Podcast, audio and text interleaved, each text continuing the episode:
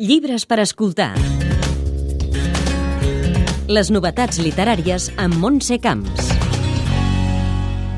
Avui us parlem de Baules, que recull 21 entrevistes que la filòloga i crítica literària Marta Nadal va fer escriptores, cronistes i traductores catalanes.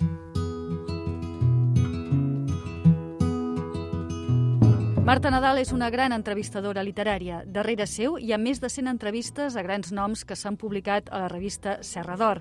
Ara la recull a Baules, publicat per Coma Negra, on hi ha 21 entrevistes, quatre de les quals inèdites, autores com Anna Murià, Maria Aurelia Campmany, Marta Pessarrodona, Montserrat Roig, Carme Riera, Maria Barbal, Dolors Miquel, Núria Cadenes o Irene Solà. Nadal és de les que entrevisten amb temps, a foc lent, i diu que sempre les fa des de l'admiració cap a l'entrevistat. Ara li toca a ella ser l'entrevistada. roures faig pelats, no arriba aire dalt del prat. Marta, el recull comença amb l'entrevista que li vas fer a Anna Murià el 1999 i acabes amb la més jove, Irene Solà, una autora d'èxit que ha estat 134 setmanes a la llista dels més venuts amb el seu Canto jo i la muntanya balla. És com un cercle que es tanca. Què les uneix a les dues? me les uneix de diferència. L'Anna Murià i una persona que em deia que, que havia escrit, que hi havia obres que no li agradaven i que per ella l'únic que passava per davant el marit i els fills, deixant de banda la seva obra. Per tant, una dona que es menys té.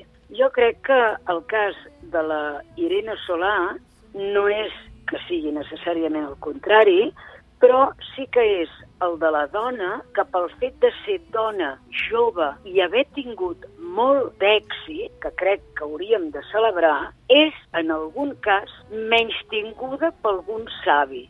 El llibre, com dius, és un diàleg entre autores i apareixen temes comuns com la llengua, la situació dels països catalans, la identitat i els referents.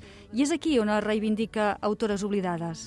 Veure com hi ha uns referents que són absolutament consensuats, podríem dir, per totes, com són la Víctor Català, la Mercè Rodoreda, la Montserrat Roig i la Maria Mercè Marçal, posem, però, ostres, i el referent que suposa la mateixa Marta Pessarrodona aquí. No parlem ja d'altres referents més anteriors a la Marta, evidentment, com bueno, la mateixa Capmany, o com la Rosa Leveroni. És a dir, entremig hi ha gent que es perd una mica mm -hmm. i els que, les que no en parlem, per exemple, una Maria Oleart, etc etc.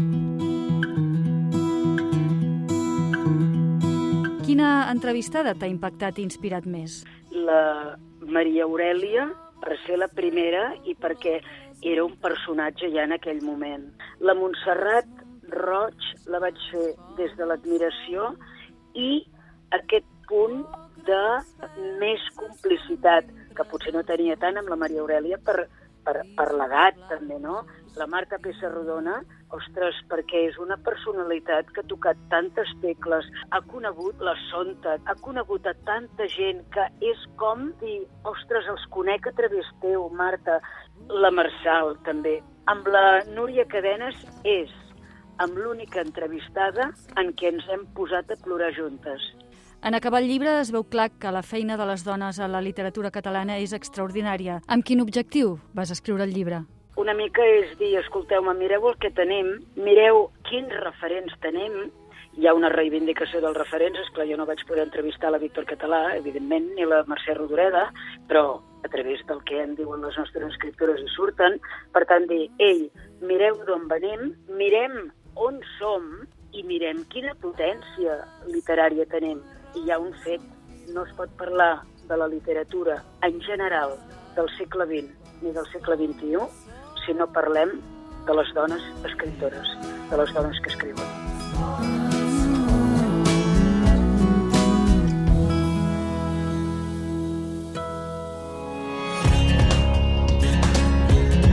Llibres per escoltar. Les novetats literàries amb Montse Camps.